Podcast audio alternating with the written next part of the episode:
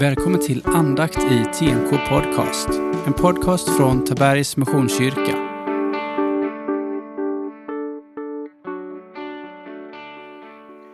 Jag heter Daniel Lundstedt och är en av församlingens pastorer. Välkommen till våra andakter. Vi fortsätter vår läsning från Johannesevangeliet. Vi är vid Johannes kapitel 13, verserna 36 till och med 38. Lyssna. Simon Petrus frågade Vart går du, Herre? Jesus svarade Dit jag går kan du inte följa mig nu, men längre fram ska du följa mig.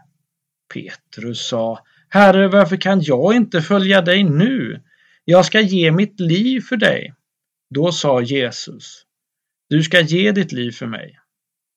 Sannerligen, jag säger dig, tuppen ska inte gala förrän du tre gånger har förnekat mig.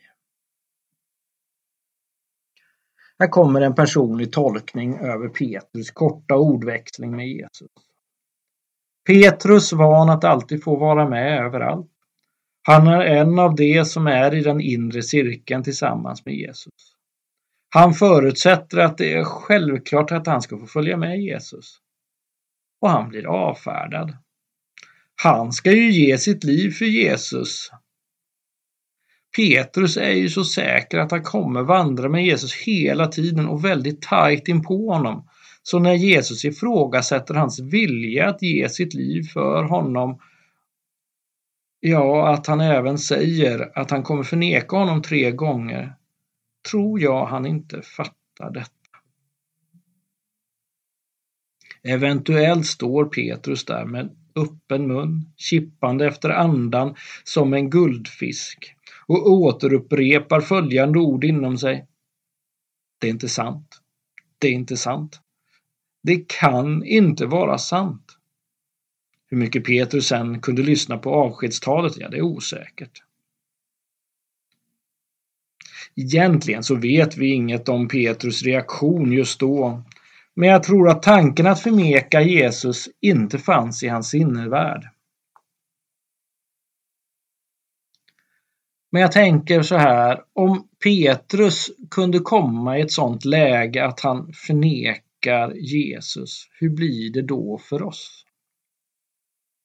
Vi vet inte alltid hur vi skulle reagera om, om vi skulle bli hotade eller ifrågasatta när jag gick i skolan, jag tror det var någonstans på lågstadiet, så um, kontrollerade de äldre eleverna i skolan vilket lag man höll på i elitserien i hockey.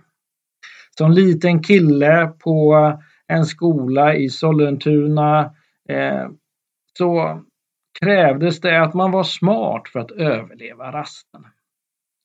Jag hade full koll på vilka lag de äldre killarna höll på och klarade mig därför ganska bra den rasten. Men jag var inte alls eh, trovärdig som supporter för mitt lag AIK.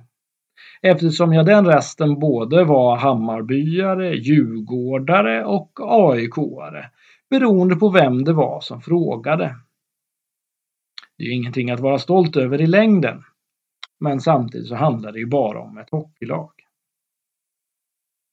Men eh, vad skulle jag göra ifall någon hotade mig på grund av min tro?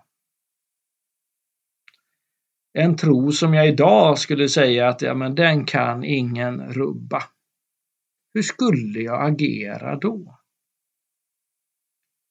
Ja, det är ett frågetecken eftersom jag inte har varit utsatt för det. Så min bön är så här. Gud, hjälp mig att ständigt våga vara kvar i tron på dig.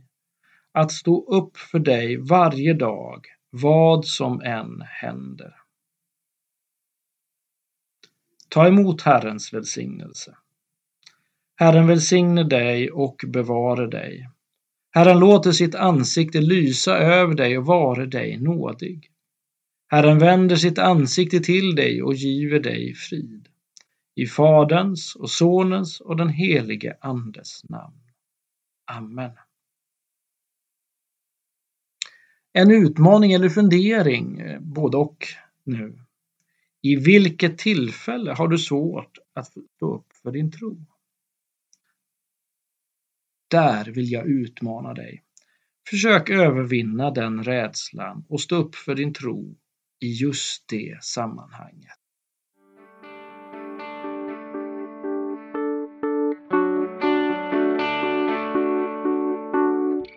Du har lyssnat på andakt i TMK Podcast. En podcast från Tabergs Missionskyrka.